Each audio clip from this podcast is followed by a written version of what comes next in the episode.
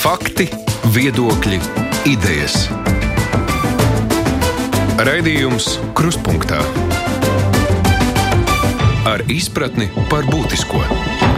Studijā Mārija Ansone. Gada inflācija šā gada martā bija virs 11%, bet vasarā šis rādītājs varētu pietuvoties visiem 15%, tā spriež banka analītiķi. Augstās degvielas cenas uz savus ādus izjūtam jau mēnešiem, pārtika kļuvusi manām dārgāka, un tālākās prognozes arī nav iepriecinošas. Ziemas mēnešos valsts uzņēmējiem un praktiski visiem iedzīvotājiem sniedz atbalstu gāzes un elektrības izmaksu kompensēšanai, tomēr Šis atbalsts drīz beigsies. Finanšu ministrs nesen mūsu raidījumā pauda, ka turpmākais atbalsts iedzīvotājiem nebūs visaptvarošs, bet pieejams trūcīgiem un maznodrošinātajiem. Vai ar to pietiek? Diskutēsim šodien ar politiķiem. Kopā ar mums attālināti ir saimnes deputāti Anda Čakša, pārstāv jauno vienotību. Labdien! Andrejs Klemēņķevs ir no partijas saskaņas. Sveicināti! Sveicināti! Un Jūras Pūce no attīstībai par saimnes frakcijas vadītājs. Labdien! Labdien! Savukārt kopā ar mums studijā šodien labklājības ministrs Gats Eglīts no jaunās konservatīvās partijas. Sveicināti! Labdien! Um, vispirms par labklājības ministrijas plāniem. Jūs jau arī skatāties, um, nu, kā atbalstīt iedzīvotājus tagad, kad um, viss paliek dārgāks, jo nu, šis cenu lēciens ir nu, sen, sen nepieredzēts, turklāt ļoti visaptveroši dažādās frontēs, gan mm -hmm. kas attiec uz energoresursiem, gan uz pārtiku, kas ir tādas nu, absolūtas ikdienas nepieciešamība cilvēkiem, un tur nevar vairs nu, neko mēģināt ietaupīt, ja cilvēkam vairs nav ko ietaupīt. Tad kāda ir ministrijas plāna?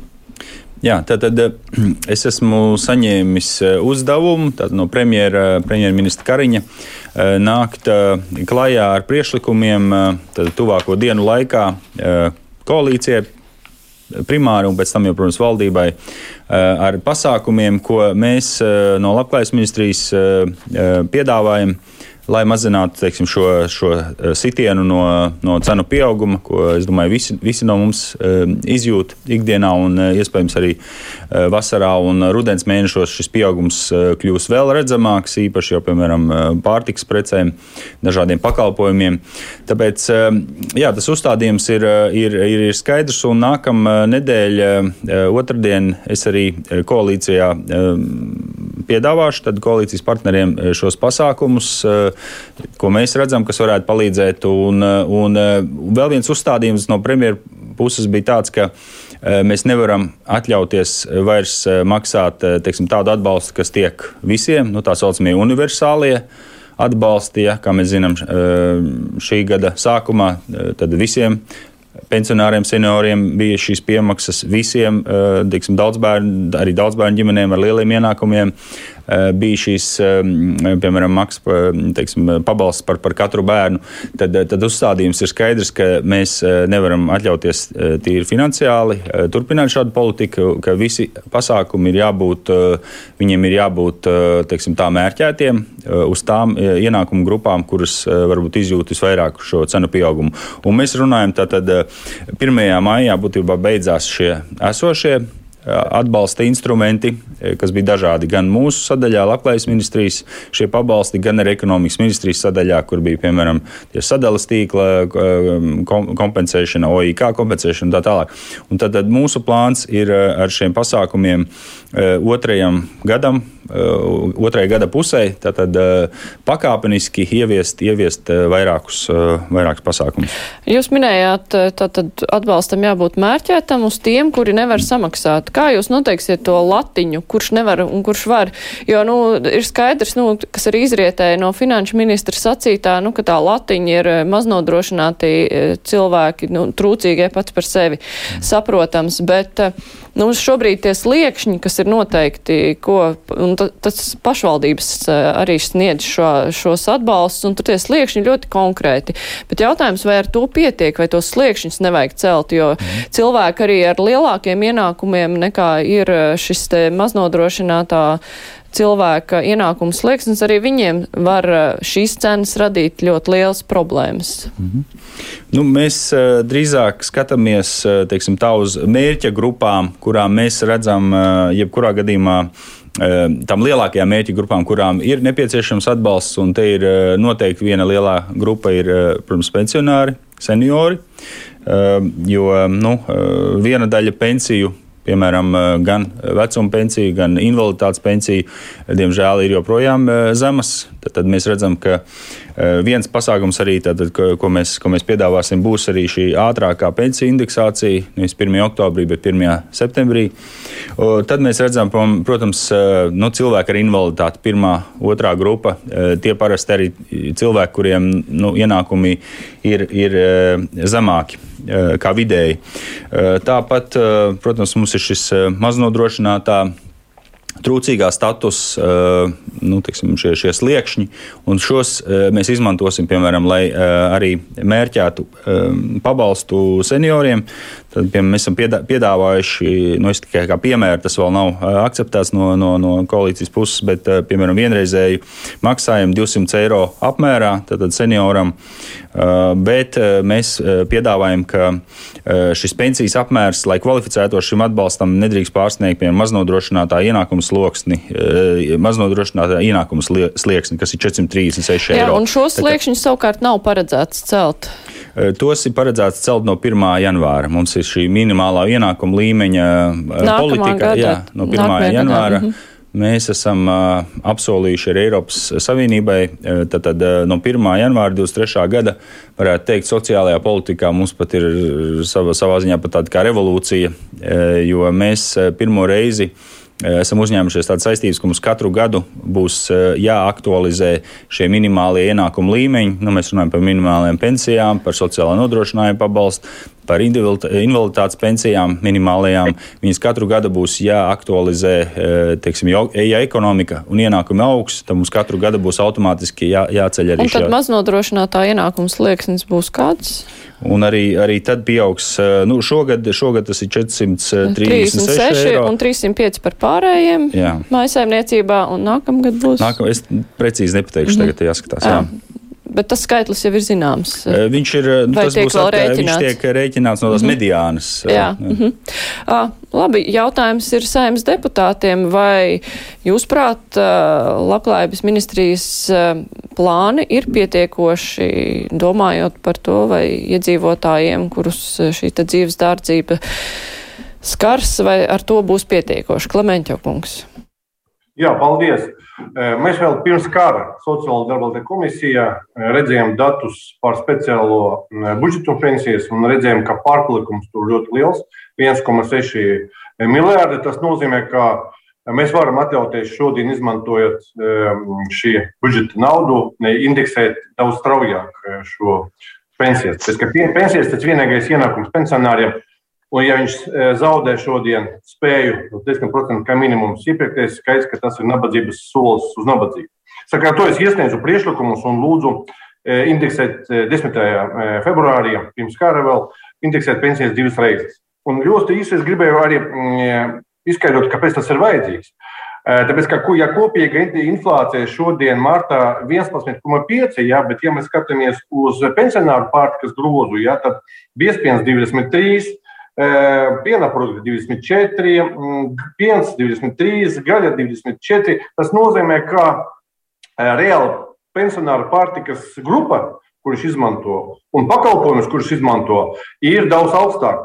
Tāpēc es gribēju grozīt arī formulu, kur mēs ņemtu inflācijas rādītājus uz komunāliem pakalpojumiem un uz pārtikas grozu.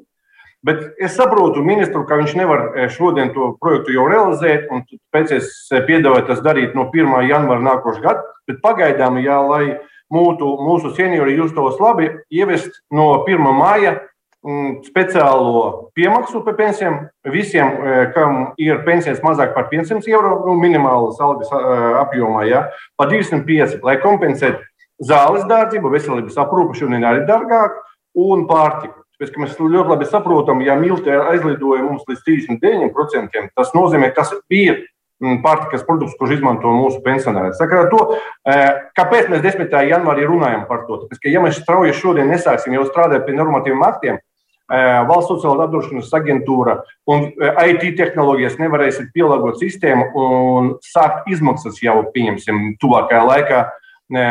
Un tad parādi pensionāriem par visiem komunālajiem un aprūpes pakalpojumiem tikai pieaugs. Es piedāvāju vēl deci, februārī to sākt, just, ka būs problēmas mums ar mm, labklājību pensionāru vidū. Paldies! Jūs minējāt tiem, kuriem pensija mazāk par 500 eiro, bet nu, ne tikai pensionāri ir tajā riska grupā, kas ir tas nabadzības risks. Tur jau arī ir ģimenes ar bērniem, ģimenes, kur viens vecāks ir invalīdi, tad pārējiem nevajag arī to slieksni 500 eiro, lai par kaut kādu atbalstu domātu. Ja, es, mans priekšlikums skar visu, kas saņem pensijas fiksā, fiksētais ienākums, tas ir pensionāra, pensionāra invaliditāte. Tāpēc kā mēs savādāk nevaram šos cilvēkus indeksēt pensiju. Inflācija izskatās cilvēkam, kurš strādā, tas vēl ir iespējas parunāt ar darba devēju un palielināt ienākumus. Pensionāriem, kurš aizgāja pensijā desmit gadus atpakaļ, viņam citā instrumenta, lai palielinātu vai izlīdzinātu ar ekonomisku situāciju pensiju nav.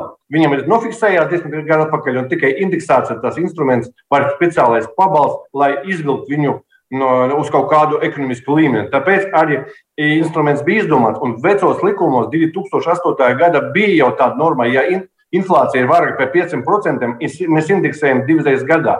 Tajos laikos, iepriekšējā ekonomiskā krīze bija jau tāda izaicinājums likumdevējiem, un viņi gāja uz to. Jā, indeksācija varbūt nebija korekta tajos laikos, bet mēs par šiem laikiem iemācījāmies, e, un tāpēc es piedāvāju citu formulu, lai viņi precīzi atspoguļotu to e, dzīves dārdzību senioriem.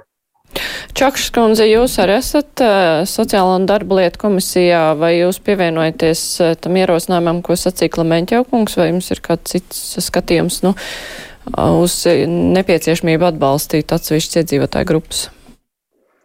Nu, es, eh, lai arī to daudz ir teikuši, es tomēr gribētu atgādināt, kāpēc mēs vispār šobrīd runājam par tādu inflāciju. Jo man liekas, ka divi tie svarīgākie faktori, viens, kas ir divu gadu pandēmijā, un otrs šobrīd tas, ko dara karš, vai nu, karš vienmēr ir tāds ļoti liels eh, dzinums inflācijas pieaugumam. Un jāsaprot, ir, kāpēc šī inflācija ir. Eh, jo nu, tā, tā ir viena svarīga sadaļa šajā visā stāstā. Otrs, ko es gribētu uzreiz teikt, ka es atbalstu tas, to, ko teica ministrs. Uh, attiecībā par mērķiecīgo atbalstu iedzīvotāju grupām, jo vienmēr nu, mums ir mazliet tendence paslīdēt kājai uz ātriem risinājumiem. Un būsim godīgi, teiksim, uh, energoresursu cenu pieauguma gadījumā uh, sākotnējais atbalsts ir bijis lielāks kā cenu pieaugums. Un to mēs redzam tajos rēķinos, kas ļoti daudziem ir. Un tas atbalsts ir bijis dāsns. Šobrīd, kad mēs skatāmies uz to, ka no vienas puses mums ir pēc uh, Covid apstākļi, no otras puses mums ir uh, kara situācija apkārt un, un uh, energoresursu cenas kāpj. Mums ir jārēķinās šo inflāciju, bet uh, vienlaikus mēs nedrīkstam atstāt uh, cilvēkus ar nu, tādiem fiksētiem ienākumiem bez atbalsta. Tādēļ ir ļoti svarīgi, ka šī sociālā sistēma spēj labi sagrupēties un tiešām mētiecīgi dot to atbalstu. Jā, ir ļoti grūti un ir jārēķinās to, ka ir vēlēšanu gads. Uh, to mēs arī nevaram slēpt, ja ir vēlēšana gads un, un gribās ātrus un straujus risinājumus atrast, bet vienlaikus ir jāsaprot, ka ātrie risinājumi nesīs lielas sekas ne tikai mums, bet arī mūsu bērniem jo aizņemtā nauda kļūst aizvien dārgāka. Jautājums ir, vai mēs varam paskatīties, kā pārgrupēt to naudu, kas jau ir iekšpusē. Iespējams, pārskatot atsevišķas programmas un uh, apskatoties, kam mēs šobrīd jau tērējam savus finanšu līdzekļus. Tādēļ es teiktu, ka ir jāatrod risinājums priekš uh, cilvēkiem ar, ar maziem ienākumiem Droši vien, ka uh, cilvēki, kam ir uh, lielākie ienākumi, būs jādomā par ieradumu maiņu tomēr. Jā, es uh, tāpēc arī vēlreiz vaicāšu par šiem te sliekšņiem, kādiem atbilst maznodrošinātie, jo tas, nu, ir tā kā tāds, nu, viens pārskatāms veids, kā noteikt šīs riska grupas, bet, nu, šobrīd tas slieksnis ir 436 eiro cilvēkam. Un, eh, nu, ņemot vērā, ka pārtika ir ļoti pieaugusi cenā, tāpat arī dažādas energoresursu izmaksas, nu, tās ir tādas pamatlietas, kuras principā nu, cilvēkiem arī noēd to lielāko daļu ienākumu. Jautājums, vai tas um, slieksnis ir atbilstošs pašreizējai situācijai, vai nav jādomā par šī sliekšņa celšanu ātrāk nekā, teiksim, 1. janvārī, jo te cenāks, ka lielākā daļa gada cilvēkiem, nu, kas ir varbūt drusiņi virs tā maznos droši nodrošinātā sliekšņa viņiem būs ārkārtīgi smaga, un turpat nav runa par paradumu maiņu, tur viņiem vienkārši ir jāatsakās, nu, nu varbūt no kaut kādām absolūti nepieciešamām lietām. Iespējams, ka par to ir jādomā. Es teiktu, es atbalstu arī šo pensiju indeksāciju ātrāk, kā tas bija plānots, bet tā ir tikai viena grupa. Tur mēs runājam tiešām tikai par senioriem. Ja mēs runājam par maznodrošināto slieksni, es domāju, ka tas ir vajadzīgi ļoti precīzi aprēķina, kādu grupu tas skars, jo nu, mums ir jābūt precīziem šoreiz. Negribētos paslīdēt atkal uz tādu ātru risinājumu. Putskungs, um, jūsu partija, jūsu frakcija kā raugās um, uz šo situāciju, vai ir nepieciešams um, nu, kaut ko domāt vairāk nekā šobrīd labklājības ministrija ierosina, vai nu, tas ir tas optimālais? Nu, man vakar bija iespēja Iglīša kunga prezentāciju un priekšlikumu dzirdēt tādā, tādā vēl projekta fāzē darba grupā, kas ir izveidota saistībā ar enerģētikas problēmām un, arī, protams, sociālām izmaksām, kas to saistīts. Uh, Kopumā, manuprāt, virziens ir pareizs, kurā labklājības ministrija dodas. Tātad jautājums ir tikai par no, nu, to piemērošanas veidu, apmēru un, un, un kas būtu prioritārs un cik ātrā tempā tas būtu jāizdara. Tas konteksts ir tāds, ka patiešām absolūts vairums no tās inflācijas, ko šobrīd mēs redzam, jau marta mēnesī, un uh, sacīks pārvalde, kur publicējas, un tagad jaunās prognozes, kas liecina par to, ka inflācija turpinās augt. Faktiski nav šobrīd neviens faktors uh, ekonomikas datos vai telpā, kas liecinātu to, ka inflācijas temps kritīsies. Inflācija turpinās augt, un tie ir tie, tie visi faktori, kas to nosaka, ir importēti. Respektīvi, tie nav Latvijā radīti vai Latvijas apstākļi noteikti. Bet tie ir saistīti ar, ar karu, ar arī situāciju pirms kara, kad um, vairākiem uh, dažādiem energoresursu cenu uh, pieaugums ilgtermiņa tendences ieslēdzās. Un šeit uh, mums ir uh, faktiski jādomā, Eh, nu, šādā situācijā faktiski valstī ar saviem lēmumiem, kas būtu vērsti piemēram uz inflācijas tempu nodzīšanu, būtu ļoti minimāla ietekme. Nu, kas būtu piemēram klasiski lēmumi, samazināt kādu patēriņa nodokļu daļu un tādā veidā iegūt eh, tur īstermiņa efektu, ka inflācija samazinās, tas tiešām būtu ļoti īstermiņa efekts visdrīzāk uz vienu, diviem mēnešiem, iespējams pat īsāk un nu, patērētāji vairums to neizjust, jo importētā daļa turpinātu augt. Mēs joprojām maksājam aizvien vairāk un vairāk par energoresursiem, respektīvi arī par pārtiku un par daudzām citām lietām. Bet, protams, šie, kā jūs pareizi atzīmējat, redzējuma sākumā šīs ir tās grupas, kas ietekmē visus patērētājus. Un jāsāk ar to, ka mums ir jāpalīdz tiem, kas ir to izjutīs vissāpīgāk, proti, cilvēki ar viszemākajiem ienākumiem. Un no tā viedokļa raugoties, tas, ko piedāvāja ministra kungs, principā ir pareizā virzienā. Un arī jūsu jautājums ir pareizā virzienā. Mums ir grupa, grupas fiksēto ienākumu, ko izmaksā valsts, kur ir automātiska šo cenu faktoru ņemšana vērā. Nu, tad indeksācija. Tas nav tikai vecuma pensijas, ne tikai seniori, arī invaliditātes pensijas un citi valsts piešķirtās pensijas. Viņas tiek indeksētas, likums paredz 1. oktobrī, un te vietā ir jautājums, apsvērt jautājumu, vai tas nav nepieciešams ātrāk. Un, ja man jāizšķirās starp diviem variantiem, vai vienreizējs maksājums pensiju saņēmējiem vai labāk indeksācija ātrāk, piemēram, ne tikai no 1. septembra, iespējams, no 1. jūlija. Es drīzāk izšķirtos par modeli ātrāk indeksāciju, jo tas iet pastāvīgi cilvēkiem ienākumos, jo izdevumi jau viņiem nebūs vienreizēji pieauguši. Izdevumi uz ilgiem laikiem viņiem būs šādi augsti un jāpalīdz viņiem kā, kā vien var. Un te faktiski mēs neizšķērdējam naudu, tādā ziņā neizmaksājam, kā es vienmēr mēdzu teikt, Jurim Pūcēm pabalstu, uh, kurš tomēr saņem virs vidējiem ienākumiem valstī. Visi šie cilvēki saņem uh, zem vidējiem ienākumiem valstī, eh, un eh, indeksācijas modelis arī uzbūvēts tā, ka tas ir jau nu, faktiski paredz to. Un labā ziņā mēs apmēram pusi no indeksācijas vērtības zinām. Tā ir pagājušā gada vidēja alga. Pagājušā gada vidēja alga pieauga vairāk par 11%. Tas nozīmē, ka apmēram 5,5% pieaugums jau ir zināms. Plus, vēl, protams, tajā brīdī, kad tiks izlēmts, ar kuru datumu tad indeksācija veikt, tiks aprēķināta arī 12 mēnešu vidējā Inflācija uz to brīdi, kas nozīmē nu, kaut kādu efektu, kas visdrīzāk būs vēl 5-6% klāt, respektīvi 12-13% indeksācija var gadīties, ka, piemēram, 1. jūlijā notiek, kas būtu ļoti svarīgi, ļoti svarīgi Latvijas eh, iedzīvotājiem, pensionāriem. Un tad ir tāda grupa uh, sociālo atbalstu saņēmēju, kas nav, netiek indeksēta automātiski, kas pagaidām tiek noteikta ar politisku lēmumu. Uh, atgādināsim, tur tiesības sarga vēršanās atvērsmes tiesā un tam līdzīgi. Jāpaslavē tiesības sarga šai ziņā. Viņš audzināja gan saimu, gan valdību un ar satversmes tiesas palīdzību. Un um, te jāsaka, ka uh, ir vietā jūsu jautājums, ka mums patiesībā būtu jāpadomā, ko darīt. Galvenais faktors, kas izriet no maznodrošinātā statusa vai no uh, trūcīgā personas statusa, ir tiesības uz garantēto minimālo ienākumu un tiesības uz mājokļu pabalstu, kas pienākās personām, kur ienākumi nokrīt zem šiem ienākumu līmeņiem. Un te būtu vietā jautājums par to, vai nu mums ir jā, jāpārskata šis uh, slieksnis, kas ir viens versija, bet vēl efektīvāks mums ir jāpārdomā, kā līdz kādam apmēram mēs garantēto minimālu ienākumu nodrošinām. Tas nav obligāti pārstāvs. Reizēm tas vienkārši ir koeficientu jautājums, kas tiek piemērots, jo šobrīd likumā tiek piemērots koeficients, kas dot iespēju arī strādājošām trūcīgām personām, trūc, nu, trūcīgākām personām, ne tikai tām, kas ir šajā statusā, maznodrošināta trūcīga personu statusā, saņemt atbalstu no pašvaldības jau šobrīd paredzētajā apmērā. Turklāt esmu pārliecināts, ka valstī ir jāpieņem šādā situācijā, palielinoties šim inflācijas spiedienam, ir jāpiedalās šo pabalstu izmaksā ātrāk. Ar 23. gadu tas ir paredzēts ka mēs to darīsim. Daļēji valsts kompensēs izdevumus pašvaldībām. Tas droši vien būtu jāsāk jau šogad, piemēram, ar apkursu sezonu. Ar nav obligāti ar 1. jūliju, to var darīt piemēram ar, ar, ar 1. oktobri un, un paredzēt līdzekļus, kas, kas pašvaldībām atvieglo šo sociālo saistību uzņemšanos, jo tas būs lielas papildus izmaksas, lielas papildus izmaksas. Un te ir vietā jautājums paredzēt šādu programmu Un tas faktiski mums to visu sociāli jutīgāko segmentu kopumā droši vien nosaktu. Paliktu kā vienmēr šādās situācijās cilvēki, kas ir tuvu robežai, nu, teiksim, tam minimālu ienākumu. Bet tās, diemžēl, ir situācija faktiski ar jebkuru noteiktu apmēru. Jā, kas tiek noteikti vienmēr būs cilvēki, kas saņem nevis 800 eiro, bet 802 eiro. Jā, un ko tad ar tiem darīt? Nu, tas ir tāds, tādas, tāds mūsu redzējums. Mēs patiešām to arī vakardien, eh, Eglīša kungs var apliecināt, tas, tas mēs arī runājām darba procesā, darba grupā.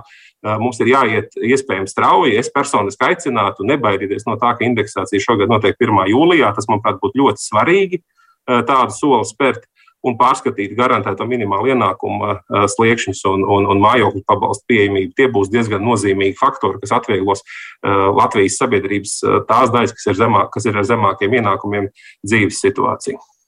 Jā, nu par nodokļiem, ko, par ko Pūtis kungs ieminējās, mēs runāsim arī, bet uh, redzījuma tālākajā daļā Eglīša kungs, uh, nu, šeit uh, deputāti ieteikumi izskanēja vairāk. Kā jūs redzat, vai tie ir reāli? Nu, pirmkārt jau par šo indeksāciju ātrāk mm -hmm. nekā 1. septembrī. Jā, tad attiecībā uz indeksāciju ir, ir, ir eh, nu, es domāju, lielais jautājums ir par finansējumu, eh, jo teiksim, viens mēnesis ātrāk indeksācija. Nu, indikatīvi tie ir 26 miljoni eiro teiksim, no speciālā budžeta. Nu, Klimēņķa kungs minēja, ka ir pārpalikums. Jā, protams, ir pārpalikums, bet tas, jebkurā gadījumā, es, es nesaku nē, vai, vai, vai kā tas ir jārunā, tad attiecīgi koalīcijā eh, ar finanšu ministru eh, vispār teiksim, par to kopējo atbalsta apjomu eh, finansiāli no, no valsts budžeta, ar ko mēs varam rēķināties. Jo nu, katrs šāds pasākums, protams, maksā, maksā naudu, valsts budžeta naudu. Bet, bet kā, kā priekšlikums, protams, es domāju, par to mēs arī nākamā nedēļa arī, arī runāsim. Varbūt tas Nav 1. septembris, varbūt tas ir cits datums, jā, bet, eh, bet man ir prieks, ka vismaz konceptuāli, vismaz līdz šim koalīcijai esmu dzirdējis atbalstu vispār tai, tai, tai domai kā tādai, ja, ka mēs uh, ejam uz, uz ātrāku indeksāciju, jo tas, tas efekts būs, um, būs jūtams dēļ tā, ka ir tik strauji nu, pieaudzis šis indeksācijas Eh, koeficients. Nu jā, nu līdz septembrim ir daudz gari mēneši. Ja, piemēram, otrs datums, kas izskanēja jūlijas, nu, tas jau ir būtu pārskatāmāks. Cik, eh, nu, ir kaut kas, kas, ko jūs uzreiz atmetat, eh, vai mm. ne par ko nevar vēl pateikt? Nu, es domāju, tas to, to mums būs eh, jāveic izšķiršanās, varbūt, ja, jo nu, tas, ko es pieminēju, eh, šis vienreizējais tātad, maksājums, ikgadējais maksājums, kas varētu būt senioram 200 eiro, piemēram, gada beigās, decembrī. Nu, piemēram, ja mēs ieviešam šādu modeli, kas ir Igaunijā, būtībā arī tāds ir nu, tā 13. pensija, viņu sauc vai kā teiksim, nu, tas arī maksā 56 miljoni eiro, piemēram, šāds solis, ja mēs, ja mēs ejam. Nu, tad eh, te ir divi pasākumi, kas eh, ir eh, vērsti uz, teiksim, tā uz senioriem, uz, uz pensijām, pensionāriem. Nu, vai nu mēs viņus abus realizējam, un tas maksā daudz, vai nu mēs izšķiramies teiksim, par vienu un teiksim, lielākā apjomā. Nu, tā. Un kā ar sliekšņu celšanu, lai cilvēki varētu pretendēt uz pabalstiem? Jā, te ir jāsaka tā. Ātrāku sliekšņu augšanu. Jā, visefektīvākais atbalsta veids vispār sociālajā politikā un vismērķētākais ir mājokļu pabalsts. Ja, jo mājokļu pabalsts, tur tā specifika ir tāda, ka tiek vērtētas dažādu maisaimniecību tipu ienākumi Tātad, ja, tas ir būtībā tāds eh, vienīgais pabalsta veids, kur mēs varam teikt, ka tas tiešām eh, ir eh, ļoti mērķēti aprēķināti šie, šie ienākumi, attiecīgi pretī izdevumi, kas ir par mājokli, ja, vai tas ir siltums, vai, ir, vai tas ir kurināmais, elektrība un tā tālāk. Un tad veidojās šī delta, teiksim, ko, ko pašvaldība sedz, un pēc tam valsts 50% apmērā uh, sedz uh, pašvaldībai šos izdevumus. Un uh, tad, tad attiecībā uz šīm dažādajām māj, mājasaimniecību grupām, tur mēs jau gada sākumā ļāvām pašvaldībām palielināt šos ienākumu aprēķinu koeficientus, lai attiecīgi maisaimniecības ar lielākiem ienākumiem varētu kvalificēties šai, šai, šai mājokļu pabalsta formulai.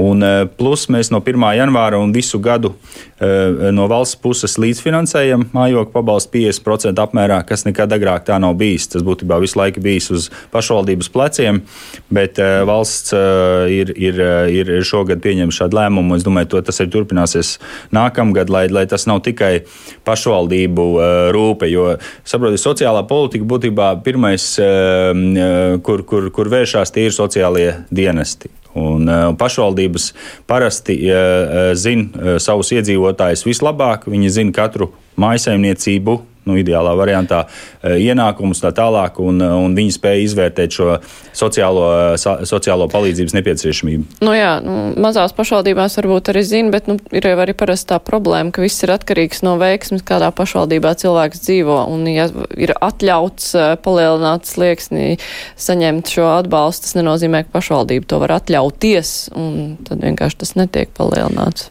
Nu, protams, jā, da, tas stāsti, protams, ir dažādi, kā kurā pašvaldībā varbūt strādā sociālie dienesti. Jāņem vērā arī, ka. Eh, cik kurai pašvaldībai ir naudas? Eh, arī cik ir naudas, un arī pēc ATR teiksim, ir, ir vairākas lielas pašvaldības, kas ir izveidojušās, ja kur apvienojušies 6, 7, 8 novadi, ja, un tagad ir jāatrod teiksim, tās tā, tā sociālo dienestu darba, darba eh, metodes un, un arī budžets, jā, protams. Nu, jā.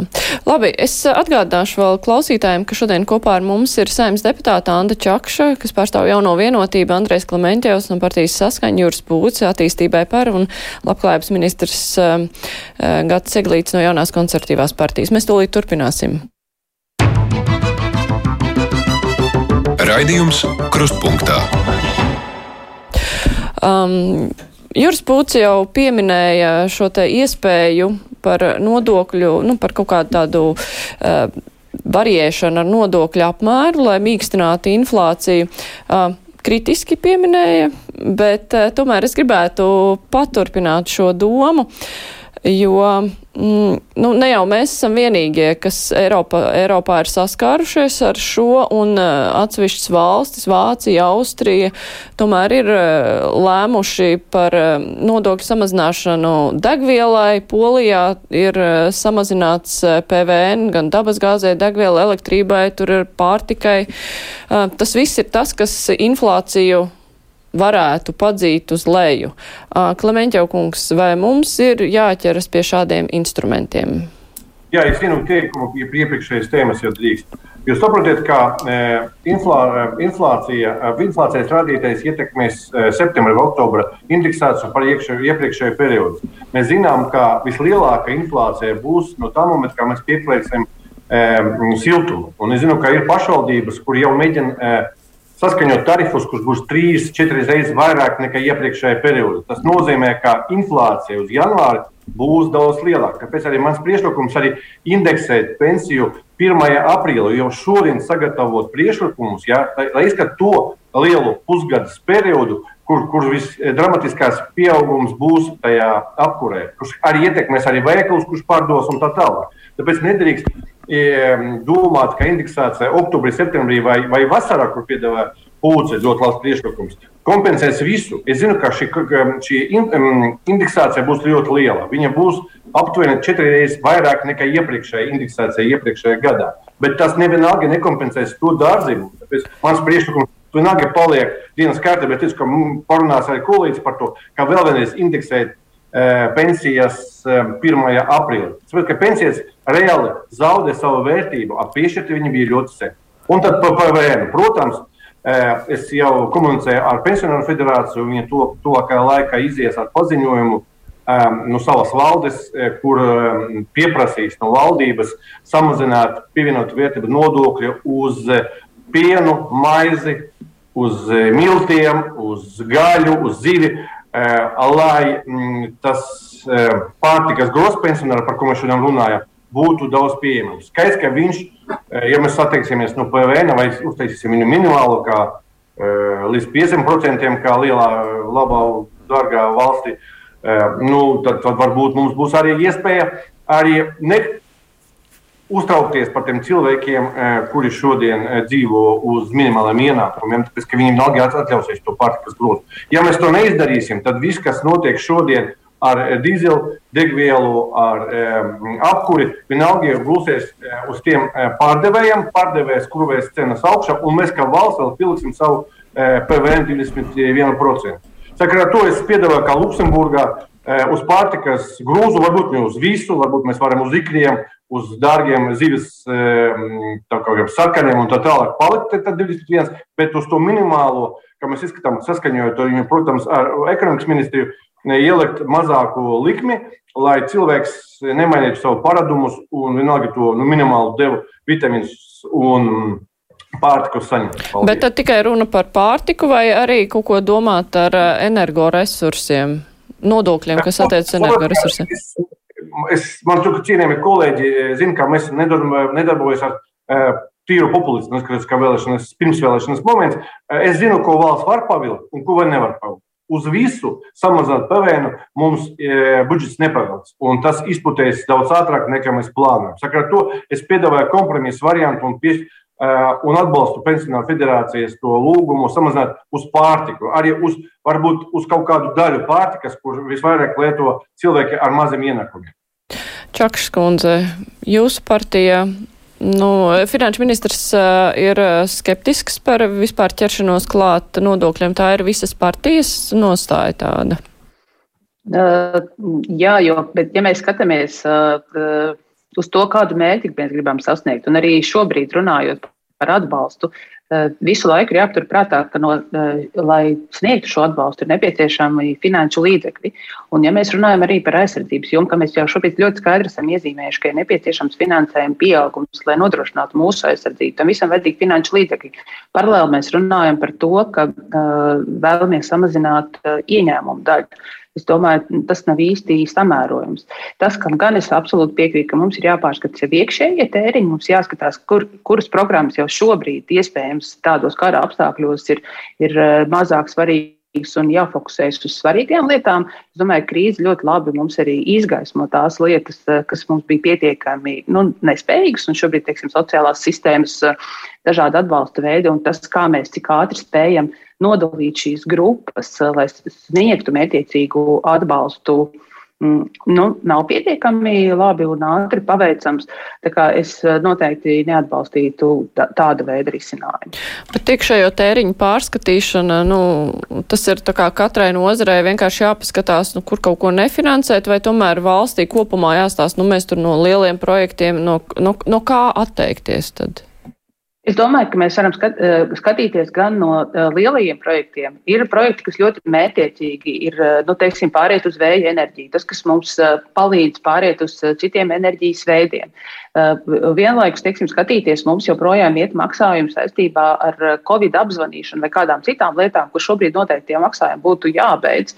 Un, un ļoti precīzi saprast, kuras lietas šobrīd tiešām ir vēl svarīgas un kuras var pārskatīt.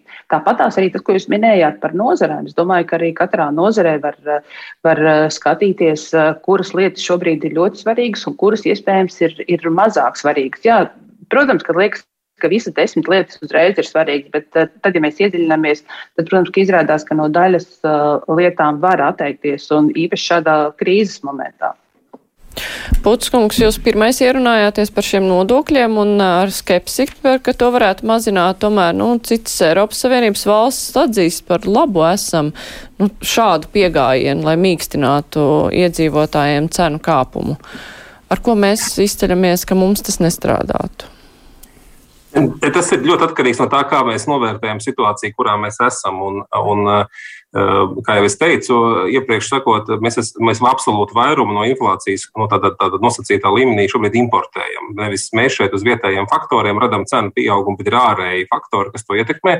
Turklāt šie ārējie faktori ir ļoti nenoteikti. Un, eh, kā vislabākā ilustrācija, 30. martā Latvijas Banka atjaunoja inflācijas prognozi, eh, pateica, ka tie ir 9,5%. Eh, Mums ir pagājuši 12 dienas, un faktiski nedēļas laikā šī prognoze jau ir palielināta par līdz 12%. Un, pašlaik nav iespējams pateikt, kāda, kāda būs inflācija, reālā inflācija vasarā. Un, tad patēriņa nodokļu pazemināšanas tā, tā, tā specifiskā būtība ir tāda, ka tas, protams, ir ļoti ātri ieviešams instruments. Tam patiešām ir pozitīvs iespējas uz cenu. Patēriņi, protams, tas nozīmē, ka inflācija mazinās, bet patēriņa nodokļi primāri palīdz tiem, kas vairāk patērē. Un, tie ir, protams, cilvēkam ir vairāk ienākumu, nevis tie, kam ir mazāk ienākumu. Viena daļa no patēriņa nodokļiem, piemēram, akcijas nodoklis degvielai, primāri palīdz uzņēmumiem. Apmēram 70% no tās efektivitātes uzņēmumiem, nevis uh, maisaimniecībām. Ņemot vērā šo ļoti lielo uh, izmaksu pieaugumu, es neizslēdzu, ka mums šogad var būt nepieciešamība lemt par to, ka ir arī jāsamazina patēriņa nodokli, lai šo iespējams ļoti dramatisko spiedienu uh, uz cenām samazinātu. Bet šobrīd primārais uzdevums ir izlemt, kā palīdzēt cilvēkiem ar zemākiem ienākumiem. Jo tur savukārt, ja mēs pieņemam kamēr, mēs pieņemam lēmumu, piemēram, Klimēķa kungs nu pat kā teica, ka vajag no aprīļa indeksācija veikt vienkārši 12. aprīlis. Nozīmē, ka mēs šodien pieņemtu lēmumu, ka vajag ātrāk indeksāciju, mēs reāli varētu to darīt ar 1. jūniju ātrākais. Ja mēs gribam izdarīt ar 1. jūliju, mums vēl tas ir jāsagatavojas tam procesam. Lēmums jāpieņem, kamēr patēriņa nodokli var nu, pieņemt uh, ceturtdien, nākamā dienā saimā, un, un tas stājas spēkā desmit dienas pēc tam. Ja? Un tas, tas var strādāt, ja? bet šobrīd ir jāpalīdz cilvēkiem ar zemākiem ienākumiem. Tas vienkārši ir primārais uzdevums. Kādu vajadzētu apskatīt jautājumu, vai tas jādara? Pie diviem apstākļiem. Piemēram, ja mums inflācija vasarā sasniedz 15 vai pat vairāk procentus, mums ir jānovērtē, kur viņi visvairāk no, noguļās, uz kādu uz patērētāju, kuru grupu, un var izvērtēt, kad ir jāpalīdz tādā veidā. Un otrs faktors, ja, mums, ja mēs apzināmies, ka, ka cenas ir kaut cik nostabilizējušās, ka viņas nemainās kā šobrīd. Nu, piemēram, akcijas nodoklis degvielai šobrīd, tas arī patēriņa nodoklis. Mēs varam rīt, ne, nu, attiecīgi, nākamā ceturtdienā pieņemt lēmumu par desmit centiem to samazināt uz litru. Bet mums, di, mums ikdienas cenu svārstības marta mēnesī ir bijušas lielākas tirgus cenas svārstības, nevis akcijas.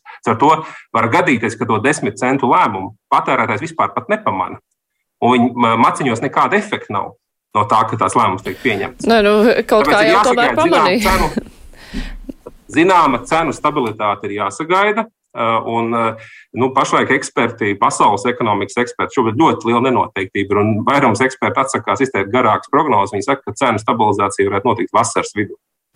Nu labi, bet uh, jūs pieminējāt, ka mēs lielāko daļu inflācijas importējam, bet uh, pārtika. Mēs kaut ko importējam, daudz ražojam paši, principā paši varētu sev pabarot. Arī ir izmaksu faktors, kāpēc pārtikas cenas pieaug arī Latvijā. Pieaug. Iemesls, kāpēc pieaug, nav iekšēji faktori. Ne jau tāpēc, ka mums ir zeme dārgāka palikusi vai tik ļoti ir darba samaksa pieaugusi. Darba samaksā pārtikas cenās nav tik liels īpatsvars. Ja? Tas ir galvenokārt tāpēc, ka energoresursu cenas ir kāpušas un šobrīd, eh, piemēram, lobarības eh, cenas ir radikāli kāpušas. Ja? Un šie ir faktori, kas ietekmē, piemēram, eh, nu, gaļas produktu cenu un vēl ietekmēs nozīmīgi. Ne? Un mm -hmm. šie, šie ir importēti faktori. Ne jau mums Uh, Latvijā pārtiks ražošanas uzņēmumu, kādi citi iekšējie faktori ir palikuši stipri dārgāki. Nu jā, tāpat Vācija, Austrija, Polija tāpat importē šos faktorus. Nu, tie energoresursi jau nevienam nav uz vietas. Bet, nu labi, uh, Eglīškungs, konservatīvie, ko domā par nodokļu aiztikšanu? Mm. Jā, tā problēma ir, kad, ja samazina teiksim, šīs nodokļu likmes, cik godprātīgi ir tirgotāji teiksim, nododot šo iegūto labumu teiksim, tā, patērētājam. Un, tas nevienmēr tā ir. Un, un kamēr kamēr ir šāda situācija, arī, piemēram, mūsu kontrolējušās iestādes, piemēram, konkurences padomja, arī nu, kurai būtu jāuz, jāuzman, piemēram, kā, kā uzņēmēji vispār, nu, vai, vai nav kaut kādas aizliegtās vienošanās kādos sektoros. Ja? Arī tur ir jautājums, teiksim, cik efektīvi uzrauga vispār šos svarīgākos ekonomikas sektorus, ja, kur veidojas arī milzīgi, milzīgi cenu kāpumi. Bet, un, protams, es, es piekrītu šajā, šajā ziņā arī tad, tad, par to, ka mums tā ienākumu daļa eh, budžetā tomēr veidojās no, no šiem, šiem patēriņa nodokļiem, un, un tā ir ļoti, ļoti būtiska ienākuma, ienākuma sadaļa. Pretī mums ir izdevumi, kas ir skolotāja algas, veselības sektors, šie jau pieminētie labklājības ministrijas, visi šie pasākumi, pieaugoši tagad arī aizsardzības budžets. Un, un mēs jau būtībā jau šodien dzīvojam teiksim, tā uz parāda. Ja? Mums pagājušajā gadā bija aptuveni 7% no IKP eh, budžeta deficīts. Eh, tāpēc eh, katrs lēmums, katrs jauns pasākums mums ir kārtīgi, kārtīgi jāpārdomā, jāizsver. Nu, piemēram, tagad ir nācis klāt arī, mums jāuzņem arī tagad Ukraiņas bēgļi, vai ne?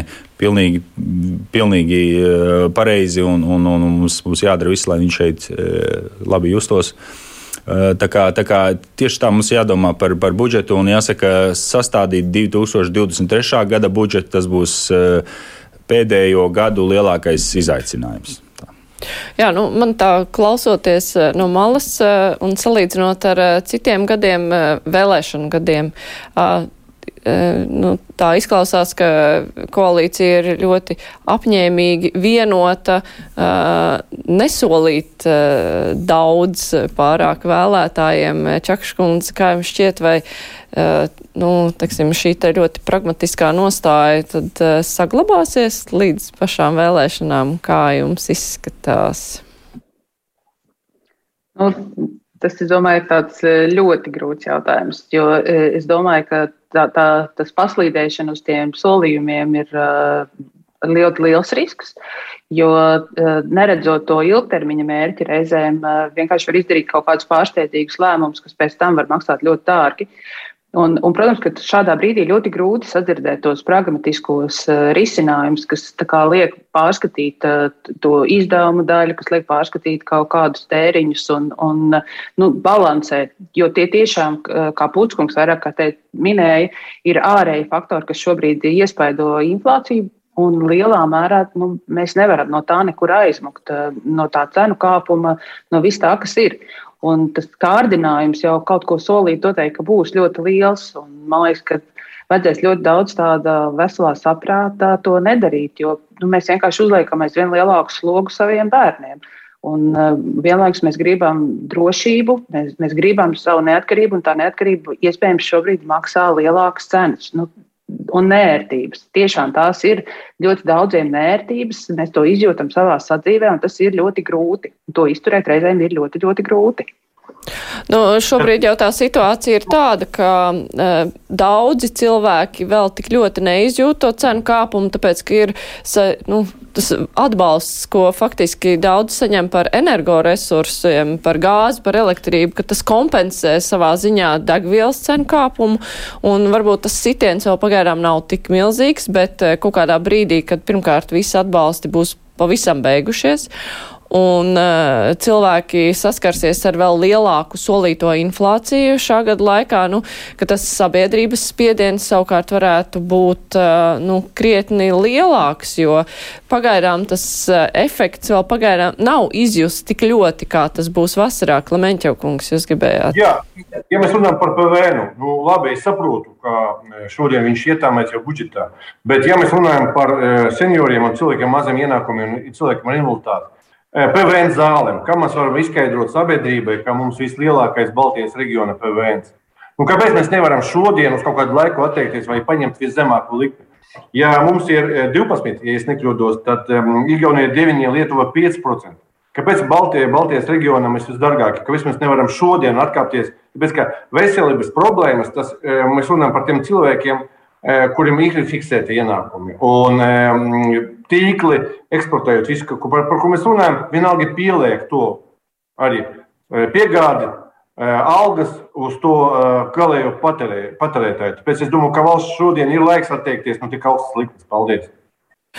Pūtiskungs par sabiedrības spiedienu un valdības spēju noturēties pret to, vai arī tomēr valdībai nāksies piekāpties, nu, tajā brīdī izrādīsies, ka cilvēkiem, nu, teiksim, ar nu, ir sliktāk nekā mēs prognozējam šobrīd un ka nevar uh, tikt galā un iztikt ar to atbalstu. Vai var būt tā, ka valdībā tur sākas arī nu, šī vienotība uh, noturēties pret kārdinājumu, solīt vairāk, ka tā var pazust?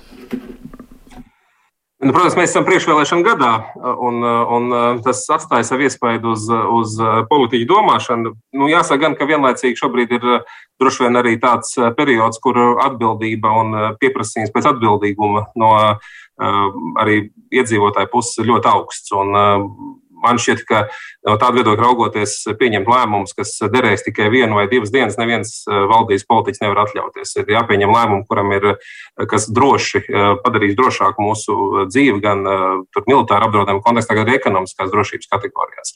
Un te nedrīkst tādas spēles spēlēt, tāpēc, ka no tiem pašiem politiķiem jau būs šī gada arī pēc 1. oktobra jādzīvo tepat Latvijā un, un jāpieņem kopīgi lēmumi un, un jāatbild par tām sekām, kādas lēmumus viņi ir pieņēmuši.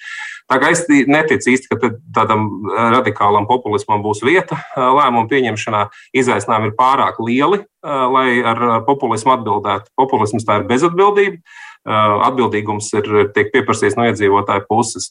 Savukārt, attiecībā uz, uz to, nu, nu kā vispār mums gatavojas, manuprāt, mums atklāts sarunas jautājums ir ļoti svarīgs. Nav arī jāslēpjas un jāsaka, kas ir gaidāms. Un tas, ka tās prognozes šobrīd ir par 15% cenu pieaugumu, kas ir pagaidām atsevišķi ekspertu. Es personiski esmu tendēts tam ļoti ticēt. Es, tad, kad Latvijas Banka publicēja, pat atklāti pateicu, ka es neticu tam, ka būs 9,5% inflācija, nav neviens faktors, kas to apliecinātu. Ja, ja 15% cenu kāpums ir, tas nozīmē, ka nav iespējams saglabāt situāciju, ka cilvēki to neizjutīs. Visi cilvēki to izjutīs, bet visvairāk to izjutīs cilvēki ar zemiem ienākumiem un ar, ar zemiem fiksētiem ienākumiem. Un primāri ir jāpalīdz viņiem. Visiem mums kopā jāpalīdz un valstī jāpalīdz. Ja ir iespējas, ja ir kaut kādas tādas apstākļi, var, protams, palīdzēt arī citiem cilvēkiem, bet primāri ir jāpalīdz viņiem. Um, savukārt mums pārējiem nu, ir, ir atbilstoši jāgatavojas. Uh, ja ir šāds izmaksu kāpums gaidāms, Uh, un kopumā ekonomiskā nenotiektība ļoti augsta. Tas nozīmē arī individuālu atbildīgumu, uh, lēmumu pieņemšanu šovasar, uh, par to rēķināties, ka rudenī cenas būs vēl augstākas. Caur to nu, gatavoties tam, iekrāt, tērēt mazāk, atlikt netik vajadzīgas pirkumus, padomāt par to, ka naudas būs mazāk. Un, uh, tur valdība nespēs visus izglābt. Tas nav valdības rokās. Tādi instrumenti nepastāv valdībai, uh, lai nodrošinātu, ka pēc 24. februāra, pēc šī gada 24. februāra, kad dzīve paliks tāda pati, kā bija. Tas, diemžēl, ir, ir godīga atbilde. Tā ir godīga atbilde, kas ir Latvijas iedzīvotājiem jāsaka. Nebūs tāpat, kā bija. Un pie tādas ekonomiskās nenoteiktības mums visiem kopā ir primāri jāpalīdz tiem, kuriem to vajag visvairāk. Jā, ar to krāšanu jau arī ir naudas vērtībai krītoties. Cilvēki arī varbūt nav tendēti to naudu uzkrāt, kura zaudē savu vērtību. Bet es eh, palasot arī klausītāju vēstules, redzu satraukumu par eh, nākamo apkursu sezonu, jo mēs patiešām nezinām, kas notiks ar gāzes cenām, jo tā situācija jau līdz galam nav atrisināta, kāda gāze no kurienes un cik tā maksās. Un, uh, re, nu, nezinot arī, cik liels šis cenu kāpums būs, bet tiek prognozēts, ka šāds cenu kāpums būs. Vai valdība var solīt, nu, cik tālu tā strādā šobrīd, kādā sastāvā, un droši vien, ka jau sākoties nākamajā apkurss sezonē tāpat būs esošā valdība, nu, ka tāda pati pieeja atbalstīt mājasaimniecības, uh, lai varētu samaksāt par siltumu, tā kā šogad, ka tāda būs. Jūsuprāt, mm. tas ir jāsaglabā, lai cilvēki var vismaz to nākamo sezonu, lai vai cik maksās gāze, bet mhm. rēķināties ar to. Jā, nu, godīgi sakot, pēc 24. februāra ir kaut ko prognozēt, ir, ir, ir gandrīz neiespējami. Un, arī būtībā tas, ko mēs eh, šodien runājam, arī eh, pirms eh, diviem mēnešiem mums, mums nebija, nebija, nebija plāns, teiksim, ka mēs veidosim kādu jaunu atbalsta teiksim, tā pakotni. Un īpaši jau skatoties tagad uz energoresursu nākotnes cenām, tā neskaidrība ir, ir, ir, ir milzīga. Ja? Nu, mēs, mēs runājam tagad šodien valdībā par gāzes cenu, kura ir nu, gada laikā būtībā ir astoņas reizes cēlusies. Un, un neviens nevar pateikt šodien, kāda viņa būs uh, oktobrī, novembrī, vai, vai, vai tieksim, tie esošie 100 eiro, 105 eiro par, par gāzi, vai viņi būs uz augšu vai uz leju. Tā kā jebkurā gadījumā, uh, bet tas, ko mēs esam, arī es kā ministrs, ko es esmu uh, sapratis un iemācījies, kad ir jābūt visu laiku gatavībā. Ir jābūt uh, gataviem pielāgoties jaunām situācijām, Un, nu jā, nē, nu galvenais ir skaidrs, ka mēs nevaram prognozēt, kāda būs cena, bet cilvēki grib saprast, vai viņi var rēķināties ar valdības atbalstu, tad, ja ir pavisam slikti. Nu, es domāju, tad... ka noteikti atbalsta instrumenti būs, bet, teiksim, nu, cik viņi būs dāsni vai kā, to, to tagad grūti pateikt. Piemēram, šajā apkurss sezonā valsts no savas puses, teiksim tā, apmaksāja vai garantēja cenu pieaugumu, jā, virs noteikta, noteikta līmeņa, pie 38 eiro par megawatu stundu, kas bija uh, siltuma apgādē. Uh, nu, 38 uh, eiro bija šis slieksnis. Kāds viņš būs teiksim, nākamajā apkurss sezonā, to es jums šodien nevaru pateikt. Bet visticamāk, ka šāds princips varbūt arī, arī turpināsies, lai, lai teiksim, cilvēki, iedzīvotāji savos, nu, teiksim, savos siltuma rēķinos, lai nebūtu tur milzīgs šoks lēciens. Bet noteikti šādi atbalsta instrumenti un līdzīgi, es domāju, nākamajā apkurss sezonā būs nepieciešami.